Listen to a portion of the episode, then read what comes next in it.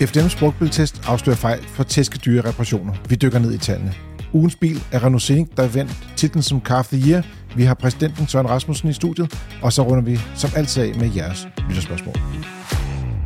Velkommen til Frigir, din podcast om biler og livet som bilist. Mit navn det er Carsten Mejler Lemke. Jeg er testkører her i FDM, og med mig i FDM Headquarters har jeg i dag Dennis Lange, som er chefkonsulent her i huset. Og Yasser Baiti, tekniker i FDM's rådgivning. Og for tredje udtræk kommer vi til at have en gæst i studiet. Det er Søren W. Rasmussen, som er bilteknisk redaktør for Motor og også præsident for UN Car of the Year, som kommer ind og giver sine øh, insiders i forhold til, hvorfor det var, at Renault Scenic øh, vandt titlen, og vi kommer også til at gennemgå alle de syv biler, som der var med i finalefeltet. Men som altid starter vi med de korte nyheder kort, korteste af alle korte nyhedsoplæsere er Dennis Lange. Ja, øh, jeg har taget en historie med. Jeg tror ikke teknisk set, det er en nyhed, men, men fred med det. Øh, det er vores gode kollega Anders Vend Jensen, som har øh, lavet en historie, man også kan læse på vores hjemmeside, fdm.dk, omkring, øh, jeg var lige ved at sige død, men det er måske også at skære den lidt for hårdt. Øh, bedemænd derude oplever i stigende grad, at den resterende del af trafikken ikke har den øh, fornødne sådan, øh, øh respekt eller konduite, og ikke øh, lærer øh, øh, rustvognen komme hvad skal vi sige, glidende og glat igennem trafikken, øh, ikke mindst også af hensyn til de efterladte i forbindelse med, med, øh, med begravelsen af bisættelsen osv. osv. Øhm, og i virkeligheden er det måske på mange måder også bare en opfordring til, sådan i lidt bredere perspektiv til os alle sammen, og lige måske have knap så travlt ude i trafikken, selvom at øh, det kan være en travl hverdag i det hele taget. Altså i, i trafikken, så træk lige en ekstra gang, og måske lige have øjnene ekstra åbne, og se, om der er nogen omkring, man lige skal tage hensyn til. Det kan være en rustvogn, det kan være en, en børnehave, det kan være 47 andre ting, øhm, men ja, vi skal alle sammen være derude, og så, øh, så, så lad os ligesom arbejde på det. Øh, det. Det tillader jeg mig at tage som sådan en lidt højere pointe i, øh, i historien. Men hvis man vil læse lidt nærmere ned i, i hvad det er, at bedemænd øh, oplever, hvad det er, de i virkeligheden sådan, øh, godt kunne tænke sig derude, øh, hvad tanker de har bag det, så tænker man læser det ind på vores hjemmeside.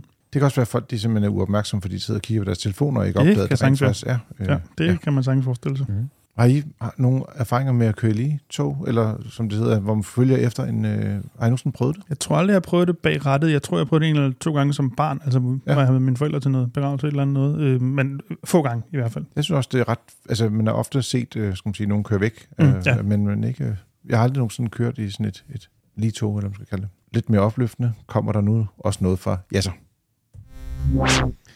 Ja, det er nemlig opløftende, at, øh, at bilmærkerne nu begynder at, ligesom at få styr på, hvad de skal kalde deres biler. Øh, vores kollega Torben Arndt har skrevet en, øh, en lille historie omkring de her øh, mærkelige elbilnavne. Og vi ser jo og har set en del forskellige elbilnavne, øh, blandt andet øh, altså det mest ekstreme er måske Cupra, øh, hvor at Seat-bilerne, øh, de skulle ikke hedde Seat mere, de skulle hedde Cupra. Øhm, og så er der jo alle de her forskellige arvearter af, af diverse. Øh, Mercedes-Benz hedder Mercedes-Benz EQ, øh, og så hedder de så modelnavnet. Volvo har heddet XC øh, et eller andet Recharge, øh, men det var både for en plug-in hybrid og for en, en elbil, mm. hmm øh, at man kunne, så, så, så det at en bil den hed Recharge, den, det gav måske ikke øh, særlig meget information. Øh, Skoda har haft det her IV-navn, øh, øh, så du kunne få en plug-in hybrid, der hed IV, men du har også en Enyaq IV. Ja, så elbilen, man ja, sige, det samme faktisk. Lige præcis. Jeg lige med, med Skoda, jeg tror aldrig nogen, der sådan decideret har udtalt den del af navnene. Altså, har I nogensinde øh, snakket om en Enyaq IV? Nej, nej. Nej vel? Nej. Og det, og, men det er altid stået på ja, præstationerne jo, jo. og jo, jo, i men prislisterne. Og... Ja, men det har bare aldrig været sådan brugt øh, i, i omtalen af bilerne, mm. sådan øh, øh, alle andre end Skoda, hvis man mm. kan sige det sådan. Men der er jo jeg har nogen... købt en Skoda Enyaq Iv. Præcis. Men der er jo nogle, øh, hvor navnene sådan, måske giver en lille smule mening, øh, synes jeg personligt. Altså sådan nogle som, øh, som Audi for eksempel, at de har kaldt deres biler e-tron, når det har været øh, elbiler. Men, men problemet er, at det har de også kaldt en plug-in hybrid at den også har heddet e-tron. Og øh. problemet var altså også, at de startede med den første elbil, hed bare e-tron, og så lavede de nogle andre biler, der hed noget andet e-tron. e-tron. Lige præcis. Det er jo også ja. noget. Den, den har så også skiftet navn til ja. Q8 e-tron. e-tron ja. ja. Og det med, at det er et 8-tal, er ikke helt tilfældigt, altså? Øh, Nej, okay. Jamen det er fordi, at de har faktisk sagt, at øh, nu kommer vi til at lave om, sådan alle de lige tal kommer til at være elbilerne, og alle de ulige tal bliver benzin og diesel og plug-in hybrider. Og det vil sige, når du har en Q7, så bliver det en ikke-el, Hmm. eller en Audi A6, som vi har talt meget om. Ja. Det bliver en, det bliver en elbil, men den, skal man sige, den benzinudgave af den kommer til at hedde A5, hvilket er lidt forvirrende, fordi der i forvejen findes en A5. Som er mindre end A6. Yes, Mm. og en A4 bliver også en elektrisk, men en A3 bliver så, øh, skal man sige, benzinudgaven af en A4. Så forvirringen er total. Ja. Øh, Og jeg går ud fra, at Audi holder fast i det der forfærdelige tal, de sætter bagefter, som ikke giver nogen mening for nogen som helst mennesker andre end Vi- Audi og vi, to, vi to er enige, Ja. ja. men Carsten kan godt lide det der. Jeg synes, det er fantastisk. Flot. Det er sådan, at de har nogle tal. For eksempel, nu har de jo faktisk gjort det med Audi Q4 e-tron, Mm. lige, som er en af dem, der rent faktisk passer med, at det er et firtal, mm, og det er en ja, elbil ja. og sådan nogle ting. Ja. Øh, den hed jo 40, før der var et øh, teknisk facelift, og nu hedder den 45. Og grunden til, at den hedder 45, det er jo, fordi den har fået flere hestekræfter. Mm. Men ikke fem mere. Nej, det er fordi, at hvert tal indikerer en, øh, skal man sige, en øh, i kilowatt. Jeg er skal man fascineret, at du stadig synes, det er simpelt oh og giver my mening. God. Jamen, det, det er jo det er jo problemet. Jeg, var jeg er med så langt 45 bedre end 40. Ja. Og det er også det eneste, vi kan udelukke det her. Eller Nej, udlede men det det er her. fordi, hvis du havde en elbil, så opfattes kræfterne øh, anderledes end... Altså, du kunne ikke sige, at den var en, en 2,0 for eksempel, fordi det, er jo Nej. ikke- der er jo ikke nogen motor. Og det var det, de kaldte det før i tiden. Det hed 2,0 TDI eller 2,0 TSI. Men hvad nu, hvis du havde en plug-in hybrid, der havde en 1,5 liters motor, men også med en elmotor, og den havde lige så mange kræfter som en 2 liters turbomotor. Men, men for den helt almindelige forbruger, så er der ikke noget af det der, der giver mening, Carsten. Nej. For dig, Jo, som fordi- er, for, mig, for dig, som er Audi-entusiast, bilentusiast, kan det være, at du kan forstå det, men Jamen, du kan jo sige, jo højere tallet er, jo flere hestekræfter har den. Men i stedet for at give et, et bestemt... Altså, hvis nu de havde været smarte, så har de bare ramt altid, lad os sige, 100 kW, 150 kW, 200 kW. Og så kunne de bare kalde den det. mm, Men nu har de bare lavet et andet tal i stedet for, som indikerer en hestekraft. et hestekraftsvindue. Ja, præcis. Ja. Hvor, og, og de har jo lidt det samme hos øh, BMW, ikke? De har jo også 35, 40, Ja. øh, 50, altså, som også indikerer lidt Ja. øh, accelerationen, og også batteristørrelsen i øvrigt, for den sags skyld. Mm. Anywho. Yes. men, men, øh, men det er jo igen, at forvirringen fortsætter øh, også blandt andet hos øh, Volvo, som vi talte om i sidste uge. Øh, der var det jo sådan, at XC40 skifter navn til EX40, og øh, coupé-udgaven hed så EC40. Og så begynder det trods alt at give mening. Fordi Ja. så er det i hvert fald, hvis der starter med E, så er det en elbil. Lige præcis. Det giver, det giver lidt bedre mening, også fordi at, at XC40'erne kommer jo, har jo været der som diesel og benzin Mm, ja. og, og, og, Mhm. og det hele, ikke? Så, øhm, Det Så- passer også meget godt med EX30 og EX90, som jo begge to er elbiler, Lige og som også er SUV'er. Ikke? Og Lige præcis. E- EM90, som vi kort var har snakket om i et eller andet episode, som er den her øh, øh, luksus øh, øh, busagtige ting, Ja. som er en Kina-ting, men ikke desto mindre EM90. Mm. Ja. Den, som Sika også har præsenteret deres udgave af, som nok heller ikke kommer til Danmark. Mm. Det var der, vi snakker om det i forbindelse. det ja. godt ja. men, øh, Du er vi forbavsende meget om Kina. Punktvis, punktvis viden. Men øh, der er en artikel på vores hjemmeside, der beskriver de her fantastiske navne. Øh, der er jo rigtig mange, så jeg synes, at hvis man er interesseret i, i mærkelige elbilsnavne, øh, eller navne, der er på vej ud, så gå ind og læs øh, om det ind på vores hjemmeside. Inde på vores hjemmeside kan man også finde det, som vi har kaldt kæmpe oversigt, kolon, se alle leasingtilbud, rabatter og kampagner på nye biler i 2024. det er det, man kalder en øh, mundret overskrift. I hvert fald øh, søgeoptimeret, kan man roligt kalde det. Øh, og, og, og grunden til, at vi ligesom har taget det med, med det her med, at det er leasingtilbud, øh, rabatter og kampagner, øh, og det hele taget priser på biler, øh, det er fordi, at ofte så kommer der en lille pressemeddelelse, hvor de lige fortæller, nu har vi lige justeret prisen lidt på en bil, og vi tænker, ah, okay, det magter vi sgu ikke rigtig at lave en, uh, en artikel om, og udgive det, det, det, det er lidt voldsomt. Men på den anden side er der jo mange, som går og lidt mangler et overblik, eller i hvert fald mangler at kunne se, hvad prisen egentlig er, eller hvornår prisen blev sat ned på en bil. Og derfor så har vi valgt at, ligesom at samle, øh, når der kommer nogen, hvad vi vurderer som værende relevante tilbud, øh, inde på vores hjemmeside. Og en gang imellem, så kommer vi til at tage det op her i podcasten, fordi der er nogle priser, som der ligesom markerer sig sådan lidt voldsomt, øh, skal man sige, øh, i forhold til, hvad der ellers er på markedet. Og i fredags, øh, fredag eftermiddag faktisk, virkelig et dårligt tidspunkt at lancere en prisnedsættelse, der sendte Honda en presmeddelelse ud, hvor de sagde, at nu skal vi øh, pris ned på vores Honda i øh, kolon NY1, eller også Anyone, elegance, øh, ned fra øh, 330.000 til 255.000 kroner. Og derudover får man også metallagt med i prisen, og en femårs serviceaftale. Og jeg Mm. mener, jeg så serviceaftalen i weekenden til 5.000 kroner. Så det er sådan 15.000 kroners udstyr oveni, kan man sige, i forhold til tidligere. Øh, og den lidt mere øh, interessante Advance-version øh, er så sat ned fra 361.000 kroner til 275. Lidt sjovt faktisk, de to priser, som der er på en Volvo EX30 for den mest. Mm.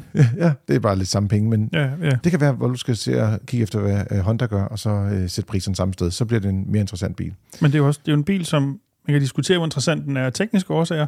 Øh, jeg ved i hvert fald, at I testede den, Carsten, der var I ikke synderligt imponeret, men i hvert fald Nej. uanset hvad, en bil, de cirka overhovedet ikke har solgt nogen af, Det er nærmest ikke sådan nogen. fordi den også var alt for dyr prissat. Og Prisen det var var i virkeligheden, da den blev præsenteret, var den virkelig endnu højere prissat, ikke? og så satte de prisen Yes. ned, inden den sådan Yes. reelt kom på gaden. Men jeg tror også, de ramte lidt af, at den her bil er jo egentlig sådan en, der godt vil være en Tesla Model Y-konkurrent et eller andet sted. Ja, Men bortset det fra, den den en bare klasse ikke. mindre. Ja, Men præcis. Men jeg siger bare, det, jeg tror, de gerne vil have været derhen, Ja, ikke? ja. Øh, men så har, jeg vil sige, den har stadig den udfordring, at rækkevidden officielt er lige over 400 km Mm. øh, WLTP, og i virkeligheden øh, lige under kanten af 300 km, Men til vi kører gengæld kan den ikke lade særlig hurtigt. og så lader den ikke særlig hurtigt. Så jeg vil sige, hvis nu man har brug for sådan en bil, bare køre lidt rundt i lokalområdet, det er værd, man har ikke brug for så meget rækkevidde, men du vil godt have en elbil, og du vil have en fem års serviceaftale, der kommer med, og en sådan rimelig fornuftig garanti. Det er tre års garanti hos Honda, så kunne man måske godt overveje at hoppe på den. Altså til 2,75 eller Altså, altså, man- 2,55, det er jo en, en fornuftig pris i hvert fald. Man kan i hvert fald sige, hvis man sådan skal sætte den op for et eller andet, og markedet har bevæget sig om øh, i 12 timer igen, havde jeg sagt, men i forhold til sådan noget som en MG4 eller en BYD Dolphin, som jo i rundetal ligger i samme pris Ja. ja. i, i sted, så får du trods alt en lidt større bil, og i hvert fald fra et betragteligt mere øh, velkendt bilmærke end de andre to. Nogen, der har været vant til at bygge biler i længere Ja, tid. ikke? præcis, Og, og præcis. sådan lidt. Den, den er dog lidt spøjst indrettet med meget stor skærm og betjening øh, underlig, og øh, jeg ved ikke, menuren synes jeg er lidt øh, meget Honda-agtig, hvis man skal mm. sige det på den måde. Du vil føle dig meget hjemme. Det kan Nå, godt være. Det er Men muligt. derudover, så har Hyundai også øh, samme dag øh, hed, øh, jeg skal man sige, penge af, af, skal man sige, af nogle af deres biler, øh, både Ioniq 5 og 6, som der også tidligere har været kampagnemodeller på, men nu også på Kona, som vi har omtalt for nylig som en, en af vores øh, testbiler, hvor det er, de har taget præcis 20.000 kroner af alle biler. Og det vil sige, det synes jeg var fornuftigt. Den kunne måske også have været 10.000 lavere sat i forhold til konkurrenterne, men nu er den begyndt at være et sted, hvor man siger, okay, for, for 330.000 kroner kan du få med et stort batteri og det, der hedder advance-udstyr, så får du de lidt bedre forlygter i bilen og et, et fornuftigt udstyr i bilen også. Det, det kunne man godt overveje. Jeg synes, det, det gør i hvert fald, at den bliver mere attraktiv. Øh, og vi har jo allerede øh, givet den øh, fem stjerner til 350.000, så når nu den er 20.000 billigere, så er det jo bare et bedre tilbud. Mm. Ja, og i øvrigt bare som parentes bemærket, udover elbilsudgaven af Hyundai er sat ned, så øh, i, i, så opdagede jeg også, jeg tror faktisk, det kun stod på deres hjemmeside, ikke nødvendigvis i deres pressemeddelelse, Mm. øh, plug-in hybrid-udgaven af Tucson Ja. ja. blev også lige sat, jeg tror det er 15.000 ned. Øhm, det er en bil, der ikke bliver solgt lige så mange af bevares, men den var også med i pakken, hvis vi Mm. kan kalde Ja, det det, der, der var lige et ekstra afsnit. Ja, præcis, er præcis. Men en af de sådan lidt mere sjove ting, det var, at øh, rigtig mange af de her tilfælde, det er sådan noget med, øh, Peugeot hiver 60.000 kroner af deres priser, nye Yaris kan du få for kun 200.000 kroner, luksuskineser til rimelige penge på privatleasing. Og så Tesla Model Y, de kom også på markedet i sidste uge, Mm. med en stigning på øh, 15.000 kroner for deres basisudgave, og en 7.000 kroner stigning på den version, der har hedder Long Range. Så de er ikke gået længere ned, hvis man skal sige på den måde, men Og hvis, de skal være, priser, der har jeg da også sige fair nok, ikke? og hvis man skal være helt vildt pedantisk, så er det vel så i virkeligheden en, en, en regulering, som ikke hører hjemme i den artikel, som handler om leasingtilbud, rabatter og kampagner. Men øh, jeg, jeg er med på værdien af Jo, det er, en- oplysningen. det er en ny kampagne, den er bare dårligere. det er i hvert fald en ny pris. Så jeg vil sige, det, det, er jo, det er jo interessant, fordi det har været den mest solgte bil det sidste år i Danmark. Og. Mm. og når der kommer nogle justeringer på priserne, så vil folk jo nok kigge lidt på, på det også. Mm. Så, men hvis du øh, går og overvejer at købe bil og tænker, hvad findes der egentlig af tilbud i øjeblikket, så kan du gå ind på fdm.dk og så søge efter kæmpe oversigt eller leasingtilbud, og så dukker den op.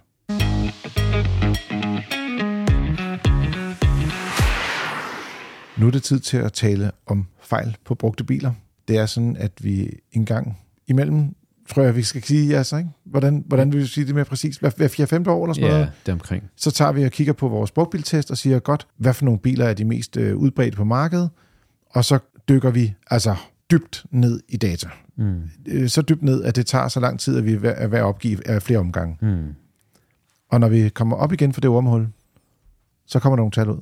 Så kommer der nogle tal ud, der ligesom viser, hvad, hvor mange fejl har øh, bilerne, og de her fejl, de skal jo vægtes, øh, fordi de skal være på x antal procent af bilerne, og det er et Excel-helvede øh, at finde ud af øh, op og ned. Men der er rigtig, rigtig mange data, og de her data, de skal jo så på en eller anden måde øh, komme til gavn for, for FDM's øh, medlemmer, og alle dem, som er ved at handle øh, ny brugt bil. Øhm, og på den måde kan man ligesom gå ind og se, jamen, hvor mange fejl øh, ser vi på bilerne? Er der flere fejl, end der tidligere har været? Hvilke typer af fejl ser vi? Øh, og hvor dyre er de her fejl?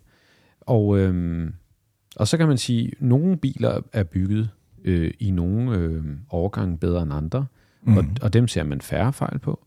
Øh, nogle biler er har nogle fejl, som er få i antal, men som er dyrere. Øh, og på den måde så er der blevet lavet et kæmpe stort stykke arbejde af, af, mine, øh, af mine kollegaer i, nede i teknisk afdeling, og blandt andet også øh, du har været ind over, Karsten, og vores kollegaer til Stabilsyn.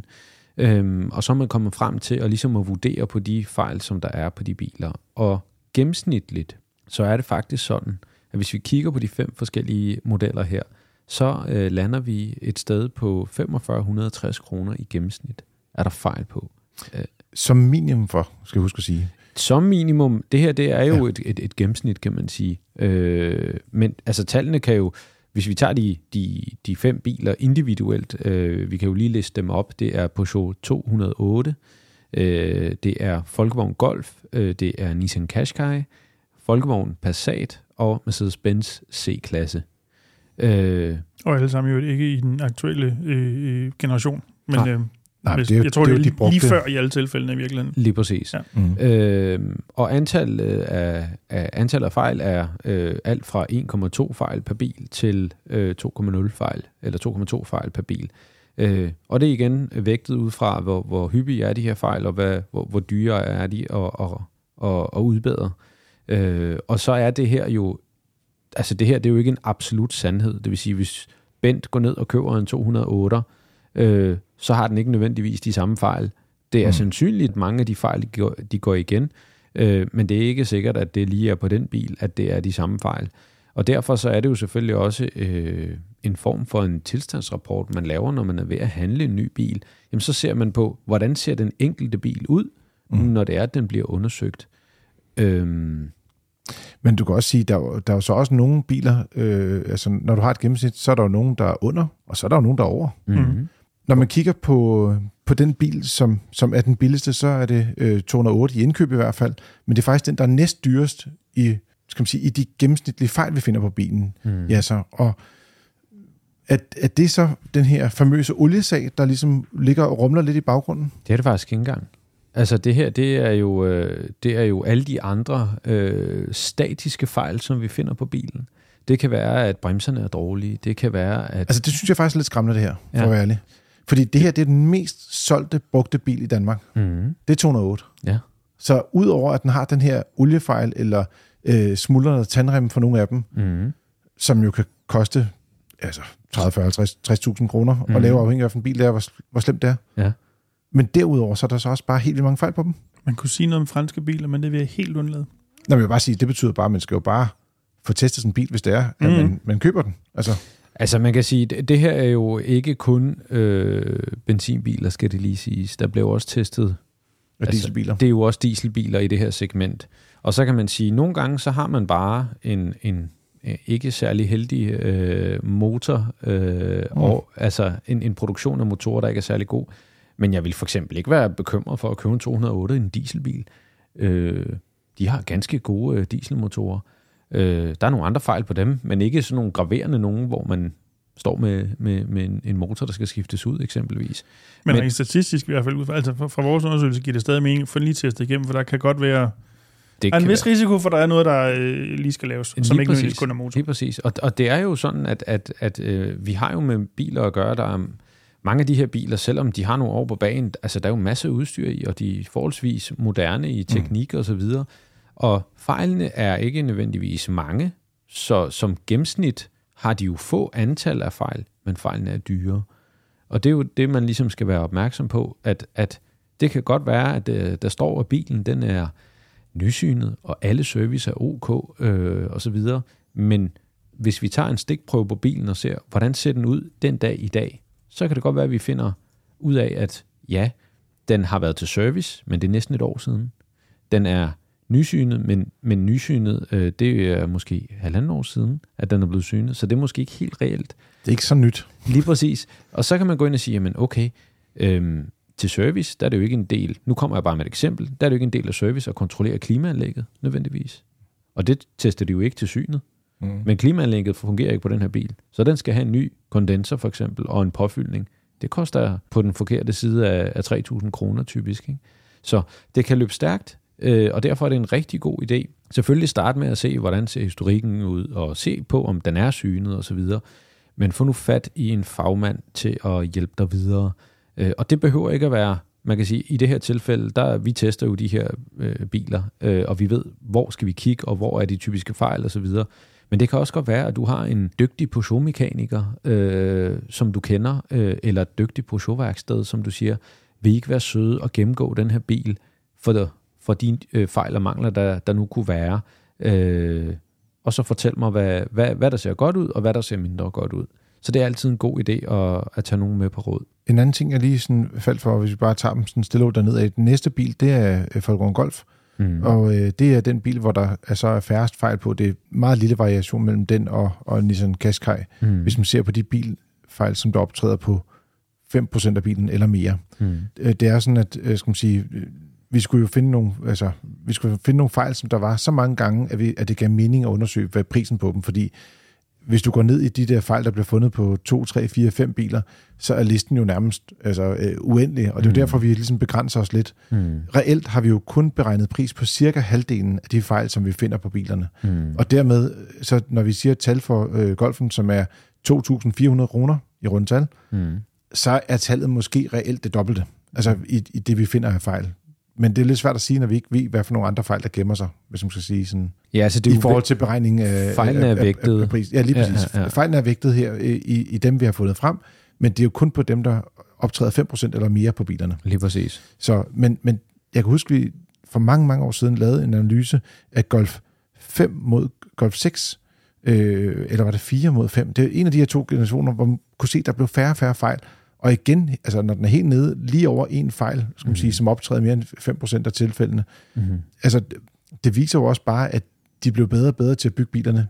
Jeg er ikke helt sikker på, at det vil se helt så godt ud med Golf 8, for at være ærlig. Nej, altså det, det, det må tiden jo vise, når vi, når vi får mange otter mm-hmm. øh, ind, kan man sige. Men, men øh, det, det er, altså det er jo også, øh, nogle mennesker taler jo også om sådan noget som, man, hvorfor kan jeg ikke se et reservedelsindeks på en bil? Jamen, en, et reservedelsindeks fortæller, hvad en komponent koster, men ikke om den er god eller dårlig. Eller, eller hvor ofte du skal skifte. Eller ja, hvor ofte den ja. skal skiftes på, ja. på, på den specifikke model. Ikke? Øhm, fordi det kan sagtens være, at, at, at du kan købe billige dele til en Fiat for eksempel, men, men at Fiat har en, en serie af biler, der er så lavsigt produceret. Jeg kommer fra et bilmærke, hvor at, at vi havde en, en serie af biler, som var fantastiske, og så blev den model opdateret og fik et andet navn, og så var det simpelthen der, at vi blev nogle af de dygtigste mekanikere i landet, fordi de havde alle mulige fejl, de her biler. Og jeg sidder og prøver på at gætte, hvad for en model det var. Ja, men jeg vil ikke ud med det. øh, og, og det er jo simpelthen fordi, at, at nogle gange så bliver der bare øh, produceret biler i en generation, hvor at der er nogen, der måske er sprunget over, hvor gader er lavest. Mm. Øh, og det har været nogle omkostninger, eller det har været en underleverandør af, af noget. Og så bliver det bare et rigtig lavsigt produkt. Øhm, jeg gætter på, at det er noget, der er gået fra Kia til Opel. Men jeg, jeg kan heller ikke... Altså, altså, du har drejet vores hjerner et helt Ja, men jeg har jo arbejdet med mange mærker, så jeg vil ikke sige... Det, det, det kunne også være, det kunne også være Devo, det kunne også være noget Saab. det kan være Saab, det ah. kan være Cadillac, det kan være Corvette, det kan være alt muligt. Der er Ej, det kan ikke være Cadillac, for du, startede, jo. du sagde, den startede med, med noget, der var rigtig godt lavet. Saab 9.3. Saab 9.3 Cadillac BLS. Det er en, måske en mulighed. Ja. Ja, ja, så du griner ikke nok. Nej. Nå. Vi skal videre i teksten. Det er den. Øh, det er den. og så skal man jo også være opmærksom på, jamen nu har vi jo også taget, og det her, det er jo, øh, hvad kan man sige, en gennemsnitsbetragtning. Øh, mm. Og man kan sige, nogle biler kommer ind med en motorlampe, der lyser. Og hvad betyder den her motorlampe? For mm. bare at tage et eksempel. Og der har vi altså taget og, og sat det meget konservativt som at sige, jamen, den her bil lyser i motorlampen. Som minimum må du forvente at få en øh, udlæsning af en egen diagnose. Og så kan det godt være, at det bliver 20.000 kroner for en reparation. Men det kan også godt være, at det er en billigere øh, reservedel, der skal skiftes, og det er en lille fejl, der skal laves. Ikke? Så det her, det er konservativt. Øh, man skal bare være opmærksom på, at, at du kan ikke øh, regne med, at, at hvis du køber en Peugeot 208, så kan det maksimalt koste for eksempel 6.000 kroner. Fordi der kan ligge alle mulige fejl. Men, øh, Det kan men, være fra 0 til bilens værdi, ja, eller mere, men så giver det ikke mening. og det er det i nogle tilfælde. Ja. Ja. Skræmmende. Godt. Jamen, øh, tak, Jasser, for at du lige øh, løfter lidt for, for din viden inden for, for det her univers. Det er jo klart, at øh, vi har jo testet biler i FDM i mange år, og øh, så er der nogen, der tænker, om så sidder de og omtaler brugbiltestene bare for at sælge et produkt. Men i virkeligheden, så grunden til, at vi har lavet de her brugbiltest, det er jo fordi, at forbrugere har stået derude, skulle handle nogle biler, og man havde været i tvivl om, hvad det var for en, en vare, man egentlig købte. Og for at finde ud af, om man købte en god eller en dårlig bil, mm. så blev man nødt til at have en uvildig vurdering af bilerne. Og det er jo derfor, FDM, som jo er en medlemsorganisation, har lavet det her produkt. Mm. Og de data, vi har her, de er jo så kommet frem, fordi der er nogle medlemmer, der er ude og købe nogle, nogle brugbiltest. Og så kan vi sige, godt, jamen de oplevelser, vores medlemmer har haft, dem vil vi gerne dele med andre, så de kan blive mere kloge og bedre klædt på, når de skal ud og vælge brugt bil.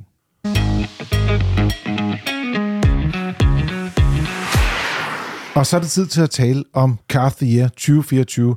Vi siger velkommen til Søren W. Rasmussen, Tak for det. og øh, du er bilteknisk redaktør i Motor, og også præsident for juryen, der hedder Car the Year. Det er rigtigt. Ja, 2024, jeg ved ikke, den, den, den mest Ja, ja. prestigefyldte.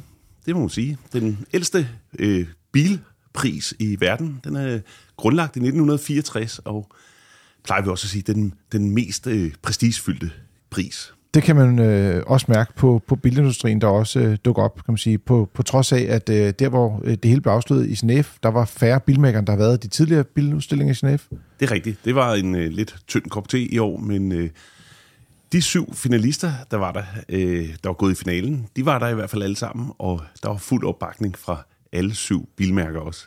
Præcis.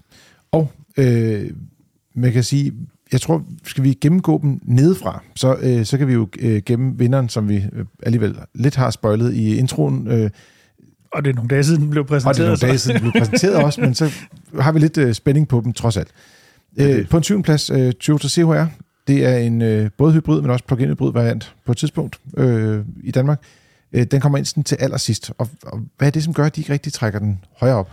Ja, altså, man kan starte med at sige, at, øh, og det, det synes jeg er vigtigt at understrege lige til at starte med at sige, det er jo alle syv biler, det er jo faktisk biler, der har øh, udmærket sig rigtig meget i forhold til alle andre biler på markedet. De har formået at gå i finalen til Kraft i og det er jo en proces, hvor man starter med at have over 30 bilmodeller, og der er der så valgt syv ud, som er særlig interessante, og der er Toyota CHR altså en af de syv.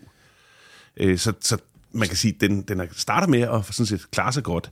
Men det er klart, så står man jo så også i cremen af cremen af danske, eller hvad hedder det, internationale bilmodeller. De syv mm. bedste, så at sige. Og det er hård konkurrence. Og lige præcis i den konkurrence, der trak den så det korteste strå. Og det gjorde den, det er i hvert fald min vurdering, det gjorde den, fordi det er en relativt dyr bil i forhold til, hvor stor den er. Mm. Og så er det en bil, der har den her hybridteknologi, som jo den har, selve hybridteknologien er 25 år gammel, og vi har klappet i vores hænder øh, snart 25 år over, hvor godt den er i forhold til benzinbiler osv., og, og den kunne køre længere på literen.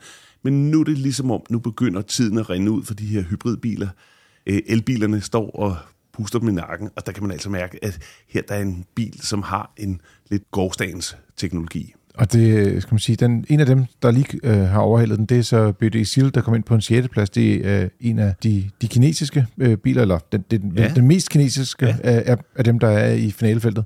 Øh, og, og den synes jeg da egentlig, vi, da den kom frem, var sådan lidt mere sådan, tænkte, det, den, den kunne nok klare sig ret godt, men alligevel er det ligesom ikke, altså den har ikke klaret sig. Oh, altså, det, det, det, sådan skal man nok ikke se på det. Man skal se på det og sige, at det er første gang nogensinde et kinesisk øh, bilmodel er gået i finalen. Og der er den her, det er første gang BYD er stillet op til Car of the Year, Ja. og der er de kørt direkte ind i finalen øh, med deres allerførste bilmodel, de stiller op med. Det er aldrig set før. Det er jo en udvikling, man skal huske på. Øh, mm. Japanerne, de var måske 25 år om at komme med i toppen af bilindustrien. Koreanerne var 15 år om at komme ind i toppen af bilindustrien. Og nu kommer kineserne, de er under 5 år om at komme ind i toppen af bilindustrien. Så det er et fantastisk kvantespring, de har lavet, de, de mm. kinesiske bilproducenter. Og den her BYD Seal, det er jo en øh, bil, som går ind og konkurrerer med Tesla Model 3 og så videre, og, øh, og det, det, det er jo meget flot at se den i, i finalen her. Øh, det er klart, at når man så igen sætter den op mod de andre, så er det jo benhårde konkurrenter, og i sidste ende er der jo kun én bil, der kan blive vinderen, og her der blev det så BD Seal, den, den blev lidt agterudsejlet. Jeg tror, min vurdering af det, mm. da de har satset benhårdt på at være en performancebil, altså en bil, som er lynhurtig, og de går så meget op i accelerationstiden, de faktisk har skrevet det bag på bilen. Der står 3,8 sekunder. Og det er simpelthen for at gøre alle opmærksom på, det her det er en meget, meget, meget hurtig bil. Og det skal den selvfølgelig have klap på skulderen for, men vi må også bare sige, at vi lever i en verden, hvor vi ikke øh, accelererer fra 0 til 100 hver dag. Hvorimod vi kører i bilen hver dag, og der skal det også være komfortabelt. Og der var det i hvert fald i min verden, som om at BD havde fokuseret lidt for meget på at være en sportslig bil, end at være en familiebil. Præcis. Den næste er lidt mere familieorienteret på en femteplads, Volvo EX30. Og det skal sige, at de første biler har omkring 130 point. Øh, vinderen ender med 330 point, så det er bare for at sige, hvor, hvor ligger vi henad på skalaen.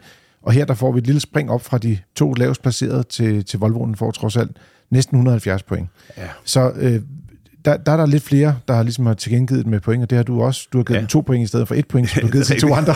ja, men, øh, den, den, 100 procent oveni. Det er en spændende bil, og jeg kan godt starte med at sige her, jeg stod øh, nede sammen med, med Volvo-folkene dernede, og deres ansigter, de var simpelthen, de udstrålede skuffelse. De var virkelig skuffet over den her placering. De havde forestillet sig noget, der var meget bedre end det her, og øh, måske endda forestillet sig, at den kunne gå hen og vinde øh, kraftet i titlen. Ja, sådan top, top 3 Ja, som minimum, ikke? Har de vel forventet. og, og jeg har jo været med i hele den her proces, hvor vi har kørt i bilerne i øh, mange gange gennem det forløbende år, og vi har snakket med bilproducenterne omkring øh, det, der ligger bag øh, bilen med deres udvikling, fokus på det.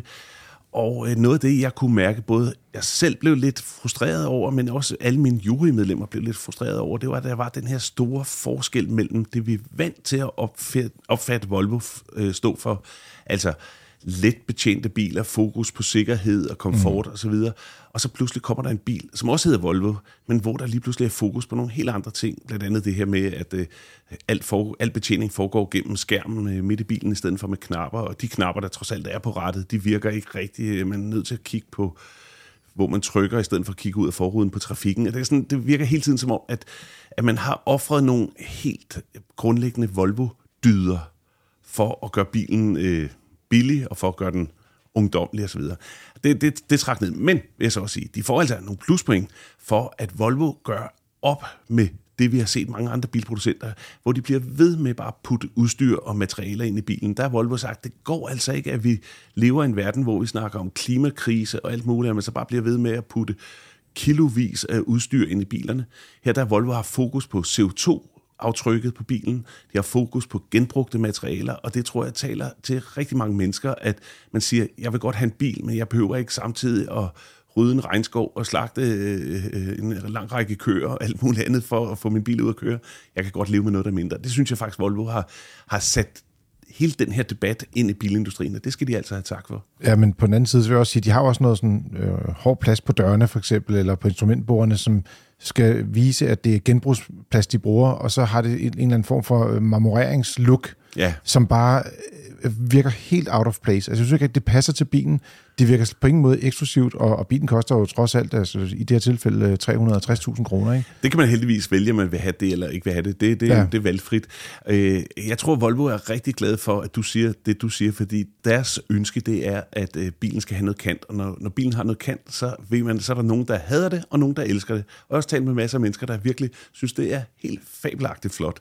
Og det er jo præcis det, de gerne vil have en bil, der, der, der vækker nogle, nogle følelser. Hvor meget i din vurdering har det spillet ind, at da den i ekstremen blev præsenteret, var den prismæssigt noget skarpere i forhold til resten af markedet, end den er nu, fordi markedet har bevæget sig i mellemtiden. Har det haft indflydelse på, på vurderingen også, tænker du? Eller? Ja, altså jeg tror, den hype, der var omkring iX30 i starten, det var, at folk hørte 280.000 kroner for en Volvo. Wow, mm. tænkte man bare. Det var virkelig noget, der rykker. Vild pris. Historien i det, det er at den til 280.000 er der ikke rigtig nogen, der kører det endnu, fordi den er ikke kommet på markedet. Det er den med det lille batteri. Mm. Nu er de biler, der er på markedet, de koster fra 310.000 kroner, vi har netop haft den til test her i, i huset i FDM, mm. og det var så en bil til, ganske vist med alt udstyr videre, men til 370.000 kroner. Og så må man sige, ah, så er der altså mere interessante biler på markedet end, øh, end sådan en Volvo EX30 til 370.000 kroner. Det, det er klart, det, det, det får en indflydelse. Men jeg synes, det er en værdig finalist, og jeg var meget glad for at se den i finalen. Øh, jeg synes, den, den, den, den voksede også lidt på mig efterhånden, fordi det, det, det er en bil, der skiller sig ud, og det fik den så et klap på skulderen for her. Men også, øh, altså, kan man sige, det er også deromkring, du vil placere den selv, kan man roligt sige. Du, Ja. Den næste bil har du også givet øh, et point, det er Kia EV9, øh, og det er fordi, du har valgt, øh, i den her kåring, der må man jo godt give det samme antal point til ja. flere biler. Du vil hellere ligesom honorere dem, du synes siger, her er min top 3, det er dem, der rent, rent faktisk får pointene. Øh, Helt korrekt. Ja. Altså, jeg gemte min point til, Til, til, til til vinderbilerne. Ja, Ja, men er det du, har, du har ham rigtigt, i hvert fald i, i de tre øverste af dem, du har givet flest point. Ja, det er rigtigt. Men uh, Kia EV9 fik en, øh, en, en fjerdeplads. Stor elbil, uh, 800 volts ladeteknologi, ja. masser af plads. Ja.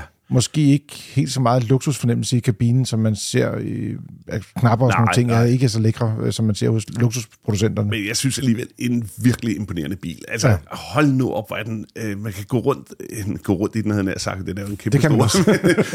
Men I hvert fald, øh, Jeg kan der, godt. Ja, ja, så kan der er tre rækker sæder, og øh, jeg- jeg synes, det er virkelig flot, det de har gjort. Altså, det, det er jo sådan en demonstration, magtdemonstration. De viser al den teknologi, de koreanske bilproducenter kan putte i en bil. Det har de puttet ind i den her. Det betyder så også, at den er blevet kæmpestor. Jeg prøvede så at køre rundt i den i Danmark, øh, hvor man kører ned i brusen, havde jeg sagt, eller et eller andet sted, hvor man skal parkere. Det er altså ikke særlig sjovt. Den er ikke skabt til de her små øh, forhold, vi har i Danmark. Den er simpelthen kort og godt for stor. Den, den er nærmest amerikansk i sine dimensioner, ikke? Altså, Jo. eller et sted, hvor der ikke er andre biler, der fungerer den godt. Men den fortæller en historie, og den tror jeg, den kan man godt lige bide mærke i, det er, at de koreanske bilproducenter, de er blevet rigtig gode til at bygge biler. Og der kommer masser af nye bilmodeller fra både Kia og Hyundai, som vi nok også kommer til at se mere til, også i Car i de kommende år. Så kommer vi op i top 3. Og på en tredjeplads, der får vi øh, Peugeot 3008, der også findes i en E3008. Det vil Ja. sige, at den både er i en udgave med benzin og også el, for den sags skyld. Øh, og det er også din tredjeplads, øh, så, så der er du også, Ja. man sige, vel meget tilfreds med den placering. Men, men hvorfor, hvorfor går den ikke helt op i top? For der er jo en til franskmand, som jo minder lidt om den. Men, men hvad er det, som... Lad os sige, den elektriske bil er nok den, der er interessant i Danmark. Ja, Ja, hvad er det, det- som gør, at E3008 ikke helt er på niveau med, med for eksempel Scenic? Ja, altså man lige starte med at sige, det der gør, at den overhovedet er med her i feltet, det er, at man har en virkelig vellykket bil, og særligt når man sætter sig ind på førerpladsen, mm. så ser man de her nye generationer af det, der hedder Peugeots iCockpit, hvor man har et meget stort skærm, øh, øh, bueskærm foran sig, så man kan se alt på, og det er lavet smart og lavet godt, og de har lavet nogle store knapper, der er nemme at betjene, fordi man kan selv bestemme, hvad, det, hvad knapperne så at sige skal gøre, og der står danske tekster på og sådan noget. Jeg synes, virkelig vellykket bil på mange områder, men ikke på alle områder. Et af de områder, der ikke er så vellykket ved den, og som i hvert fald min verden trækker ned, det er, det er jo en kæmpestor bil, en 3008. Den er, mm. den er vokset i forhold til den gamle, det kan man se, når man står ved siden af den. Ja, det ligner Øh. det ikke på billeder i hvert fald. Der ligner det sådan Ja, nogenlunde det samme. men det, det er lige så snart den så holder ved siden af andre biler. Det kunne man også se i feltet her med de syv biler. Det var jo en af de største. Øh, men så sætter man sig ind på bagsædet, og der blev jeg altså skuffet, at det er lykkedes så dårligt for Peugeot at tage en så stor bil, øh, og så alligevel ikke få bedre kabineplads ud af det. Men jeg kan huske, da vi var til tennistest i efteråret, det var jo en af de ting, Ja. den, den stod deroppe statisk, Ja. men vi satte os jo ind på bagsædet af den, ikke? Vi Ja, måtte køre ja. ja. i den jo. Men øh, der kan jeg også huske, at jeg tænkte bare, det var da utroligt, at der ikke var mere plads. Altså, øh, fordi det skulle være en familiebil jo. Altså, Lige, lige præcis. Og bilen er jo så også skabt fra starten til at være, øh, den har et stort batteri, og et meget stort batteri. altså, mm. Og for at kunne bære de mange kilo, som det ah. kaster af sig, så er det en meget tung konstruktion, en meget øh, solid konstruktion. Man har også lavet en version med fjolstræk, og det giver igen nogle ekstra øh, kilo på, på karosseriet. Og det vil sige, når man kigger på bilen samlet set, så er det altså en bil, der i virkeligheden stikker lidt den modsatte retning, end det vi snakkede om før med Volvo, mm. hvor man havde prøvet at gøre bilerne mindre ressourceforbrugende og mindre tunge. Og den her Peugeot, det er en meget fin bil, men også blevet næsten for stor og tung bil i forhold til det, man får ud af det. Og i hvert fald, nu kan jeg lige give dig en stikbold til nummer to her. Jeg skulle I til at hvert sige. fald, så blev den overhalet på det punkt af den næste bil. Den kan du lige fortælle, hvad det var for en. Jamen, det er øh, en, øh, en bil, som jo øh, er- kommer fra BMW. Det er 5-serien, den der blev kåret til årets bil i Danmark. Den findes jo både som benzin, diesel, plug-in hybrid og el-udgave. Øh, og der kan man jo sige, det, det er hele serien af alle mo- motorvarianter, der skal man sige, er med i den her kåring og får en anden plads. Øh, og det er jo også ret tæt mellem den og nummer ja. et. Men ja. det, der kendetegner lige præcis øh, i5'eren, synes jeg i hvert fald, den elektriske udgave, som vi har, har kørt i herhjemme, det er, at den kører bare som en 5-serie. Ja. Og, og der, der mærker du ikke rigtigt din elbil, jo. Altså jo, selvfølgelig, at der ikke er nogen motor og sådan nogle ting. Jeg kan fortælle en lille sjov oplevelse. Det var, at vi havde samlet alle syv finalister på en øh, bane øh, uden for Paris Lufthavn, som vi simpelthen havde lejet, så alle jurymedlemmerne kunne køre alle den sidste tur, så at sige, i alle mm. bilerne.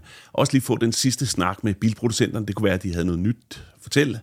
Øh, det havde BMW blandt andet. De kunne vise deres stationcar-udgave af den også, det der hedder Touring, som var meget, meget, meget flot, kan jeg sige, og som også er i Danmark nu til en beskeden mere pris.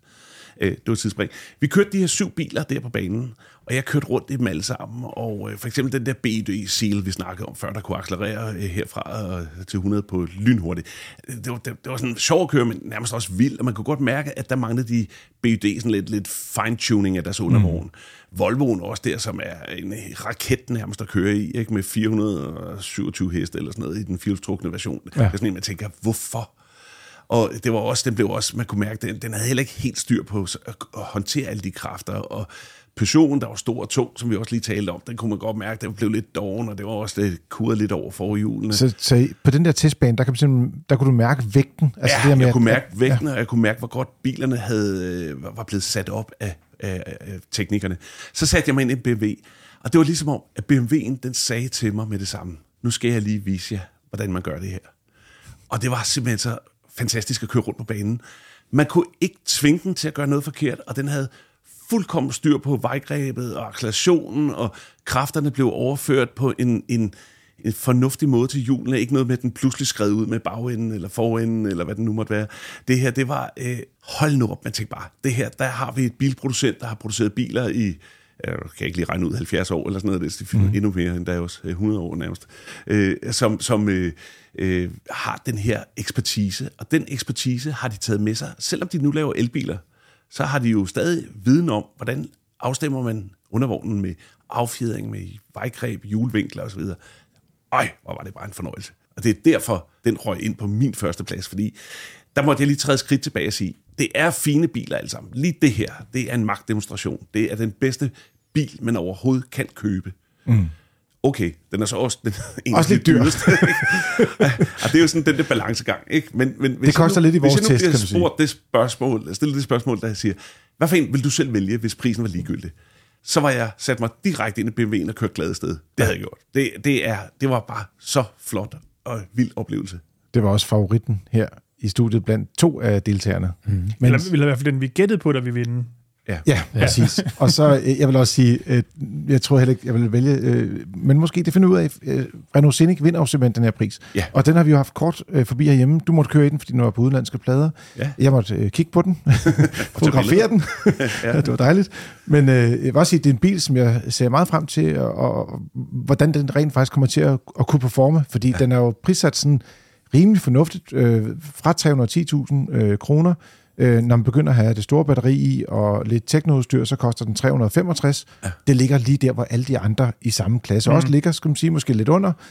Men, men en rigtig spændende bil. Ja, det synes jeg. Og det var lige præcis den, jeg havde i tanker, da jeg sagde det der med, at Peugeot havde ikke rigtig formået at skabe en letvægtskonstruktion og en, en bil med god plads bagsæderne. Så kom Renault her og viste det her hold nu op, hvor er det imponerende at sætte sig ind i den bil. Den, når de holder ved siden af hinanden, er Renaulten jo mindre end Peugeot'en. Mm. Når man sætter sig ind på bagsædet, så vil man gætte på, at den er dobbelt så stor.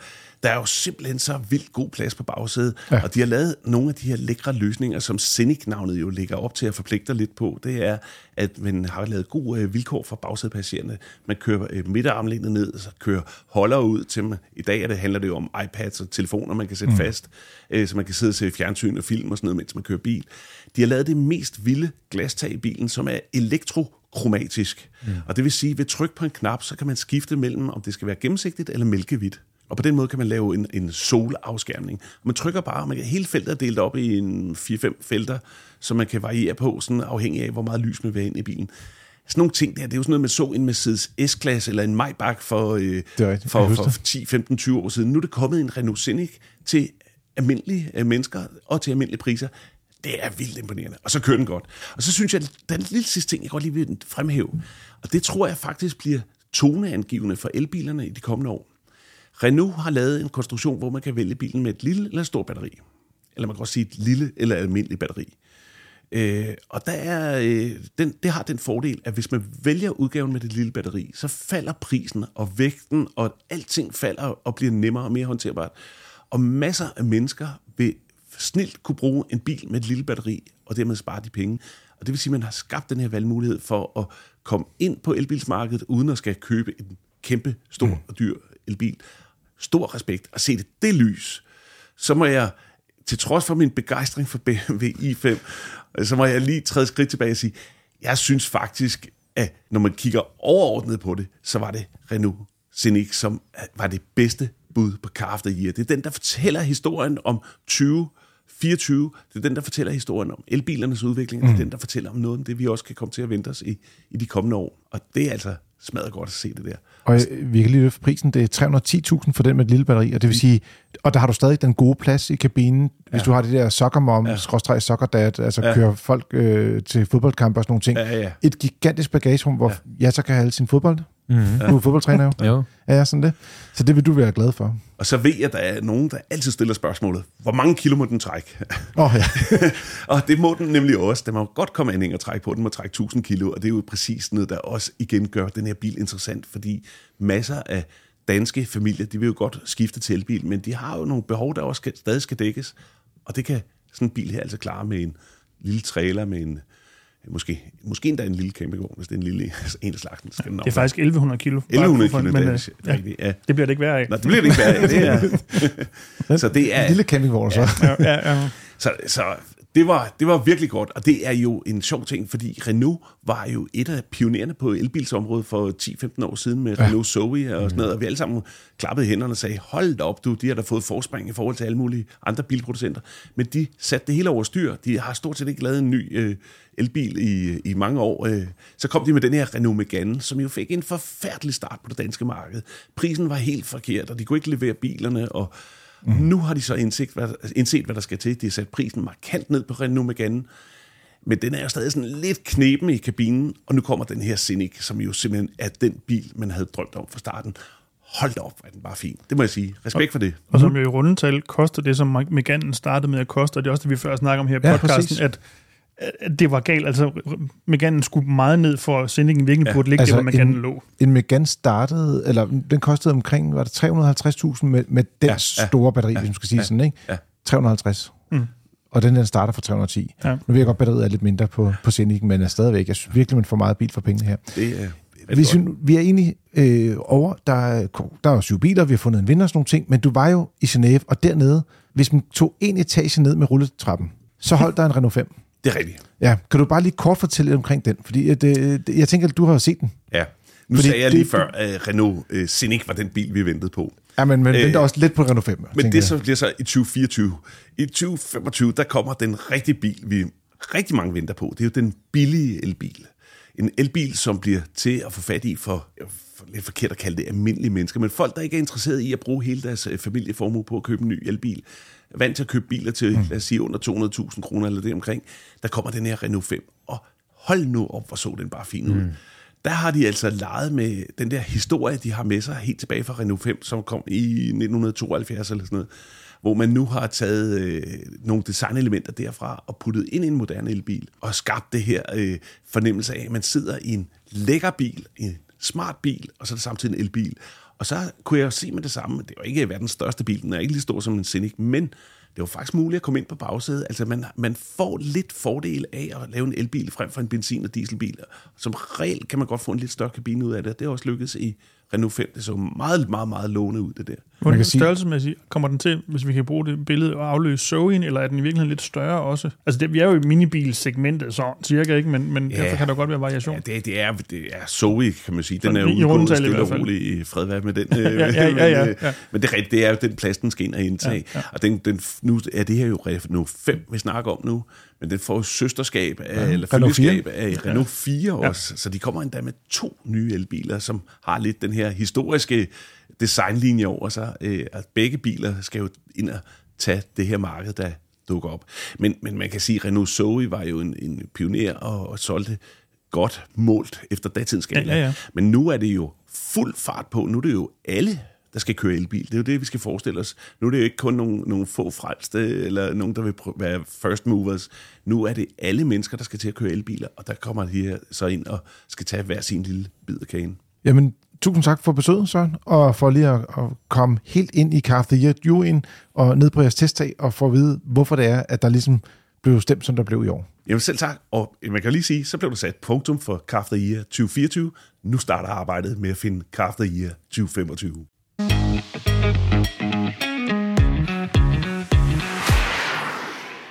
Nu er det tid til jeres lytterspørgsmål. Har du et, kan du sende det til podcast og så vil vi på bedste vis forsøge at svare på dem. Det vil vi også gøre til Kim, der har skrevet ind og sagt, Hej FDM, først tak for en fantastisk podcast, som bliver hørt med det samme, når den udkommer. Vi er nogle arbejdskolleger, der har undret os over de forskellige serviceintervaller, der er på elbiler. Der er en, som kører Folkevogn i det 4 med et interval på 60.000 km eller to år. Det er det samme, som en anden kollega har på sin Skoda Enyaq. IV. IV. Min egen Volvo XC40 har 30.000 km eller to år. Min datter har en Hyundai Ioniq 5 med et år eller 15.000 km, og sønnen har en Ford Mustang Mach-E med to år eller 30.000 km. Og jeg tror, han har været ude at søge lidt på nettet, så er der for eksempel en Xpeng G9, som har et år eller 15.000 km. Det svarer til det, som Hyundai også har. Og så er der Tesla, som slet ikke har nogen faste intervaller.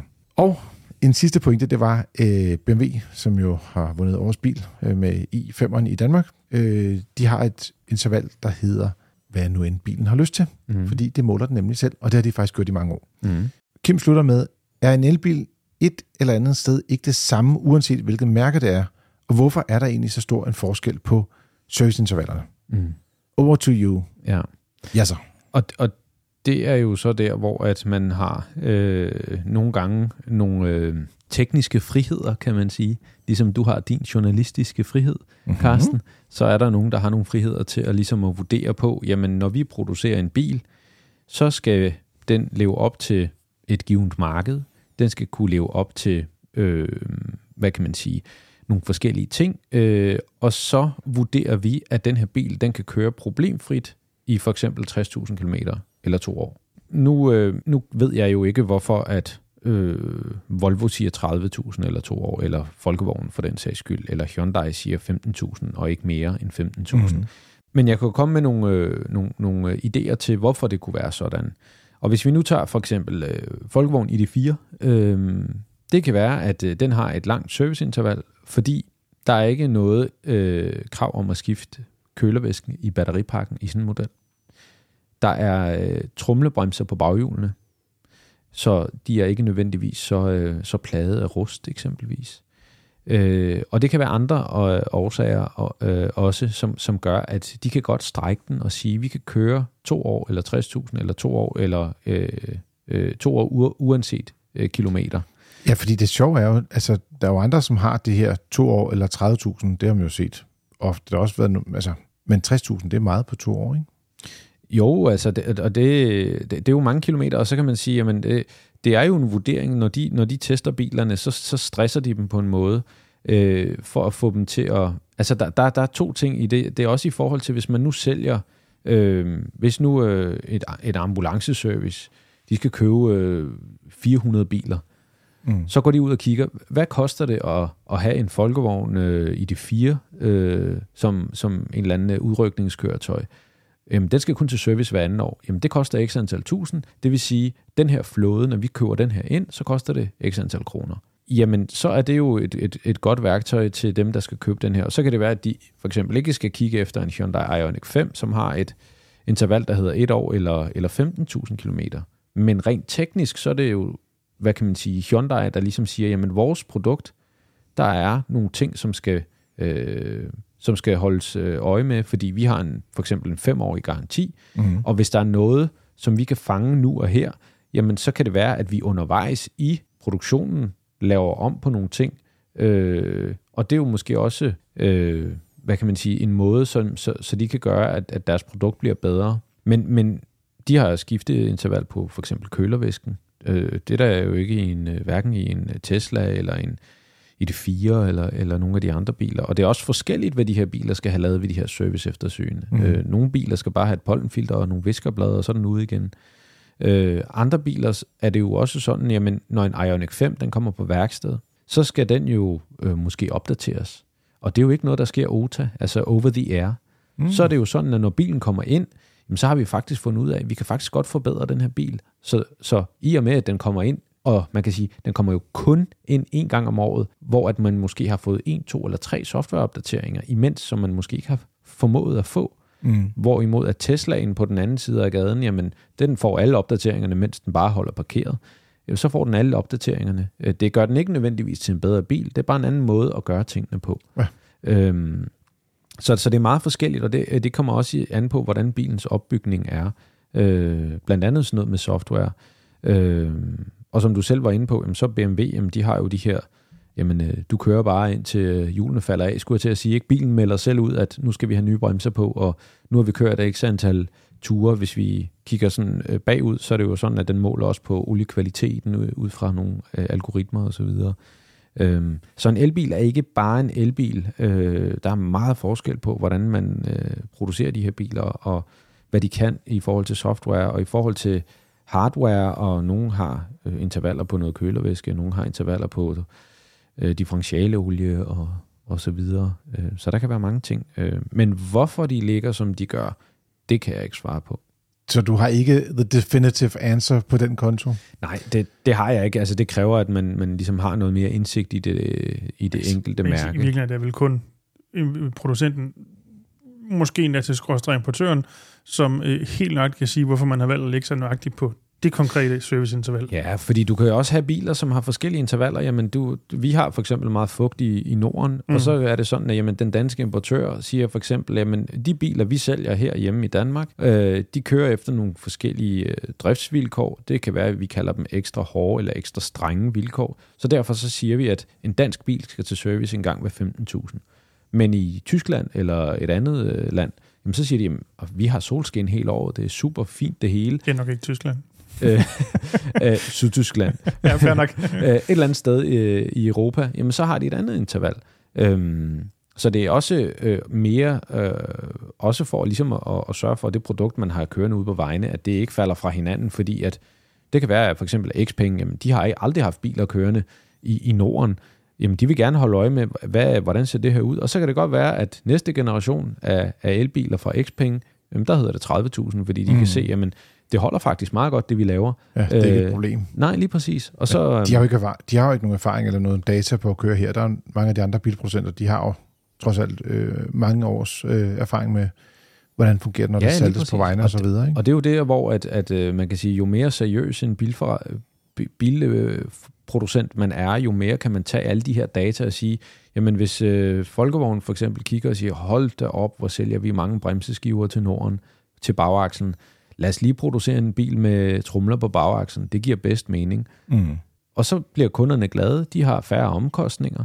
Det kan godt være, at de ikke tjener lige så mange penge, men øh, så har de færre omkostninger og, og kan gøre måske, at de kan strække et interval med, lad os bare sige 5.000 km eller whatever. Øhm, og det kommer jo kunderne til gode. Men, men det er jo der, hvor at vi som forbrugere skal være opmærksomme og sige, det betyder noget for mig, øh, øh, altså hvad, hvad omkostningerne kommer til at være på det her bilejerskab. Så ja, jeg vil ikke have en, lad os bare sige en, øh, en Hyundai Ioniq, fordi den skal meget ofte til service. Jeg vil hellere køre i en Tesla, hvor jeg bare kan køre til hjulene falder af, og den bærer ikke om service. Øh, så kan man sige... Det er så også der, hvor hjulene falder af. Ja, så kan man sige, hvad, hvad, siger, hvad siger jeg som, som, som FDM-medarbejder og som tekniker? Jamen der siger jeg, det er nok meget øh, rart at få en bil ind øh, en gang om året, lige at få den efterset. Mm. Man, nu har vi haft mange huller, ned, øh, huller i vejen, for mm. eksempel, mm. øh, som du har haft en historie på, Dennis. Øh, vi har haft meget øh, frost, og vi har haft meget fugt osv. Det kan være, at mine, mine bremser måske øh, trænger til smøring og, og blive efterset. Og det er jo en god ting at gøre. Øh. Ja, der står faktisk ja. under serviceintervaller øh, for øh, Tesla Model 3. Mm. Øh, der står faktisk, at øh, for hver, øh, hvert år eller for hver 20.000 km skal man både rengøre og smøre bremsekaliber, hvis man kører et område, hvor det bliver saltet om vinteren. Og det gør man jo i hele Danmark. Der, det sjove er, at det her, det er der ingen, der lægger mærke til. Der er ingen, der går ind og læser instruktionsbogen. Den har jeg sjovt nok gået ind og læse i. Der er mange, der sådan tænker, øh, det, der skal ikke ske noget som helst. Men her, der står udskiftning af luftfilter i kabinen for hvert andet år, og så er der også nogle andre ting, som er hver fire år. Jeg siger, det er jo heller ikke noget, der koster mange penge. Igen, øh, vi anbefaler som udgangspunkt, at man følger fabrikantens anvisninger. Om hvis man vil gøre det ekstra, så er det aldrig øh, noget, der er for gjort. Pas godt på din bil, og den vil passe godt på dig. Øhm, men som minimum skal man følge fabrikantens anvisninger. Vi har også på vores bil har vi to års service eftersyn, skal man sige, øh, eller, eller en 30.000 km, det passer fint med vores måde at køre på. Men der har jeg i min serviceaftale mulighed for at have to årlige ekstra eftersyn, hvor man bare kan få tjekket bilen. Øh, Og jeg tænker som udgangspunkt, det er lidt voldsomt at have det to gange om året, men så tænker jeg alligevel, om efter den er et år gammel, så kunne jeg godt tænke mig at have det. Og så sagde jeg bare til dem, skal I bare lige huske på, det er jeres bremse de næste syv år, fordi at jeg har købt, lavet en lang aftale. Hmm. Så sagde jeg, så hvis I har lyst til det, kunne det være en god idé måske lige at smøre dem. Og det har de jo så gjort, fordi det kan jo bedst svare sig for dem jo. Mm. Men det gør så også, at vi har en mere sikker bil at køre med, fordi vi ved jo, at bremserne de bare fungerer bedre, når det er, de bliver smurt og renset. Ikke, Mm. Ja, det, ikke også, ja så? Jo. Jo, godt. det. Så jeg har gjort det rigtigt den her gang, håber jeg. Men øh, Kim, vi håber, du fik lidt øh, indsigt i, hvorfor det er, at der er forskellige øh, intervaller. Der er nogle tekniske årsager til det selvfølgelig også, men det er ikke alene øh, længden på bilernes garanti, der er årsagen. Det var Frigær for den gang. Lyt med igen i næste uge, hvor Dennis, Jasser og jeg, vi tager fat i ugens tema, ugens bil, og som altid svarer på jeres spørgsmål. Husk, at alle artikler, som vi har talt om i dag, de er tilgængelige inde på fdm.dk. Samme sted kan du også tilmelde dig FDM's nyhedsbrev, så du kan få nyheder om både biler og livet som ballist. Tak fordi du lyttede med i denne uge. Fik en afsløring af, hvilken bil der blev årsbil i Europa. Hvem af os tre, der var bedst til at forudse, hvilken bil der blev årsbil i Europa. Og god tur derude.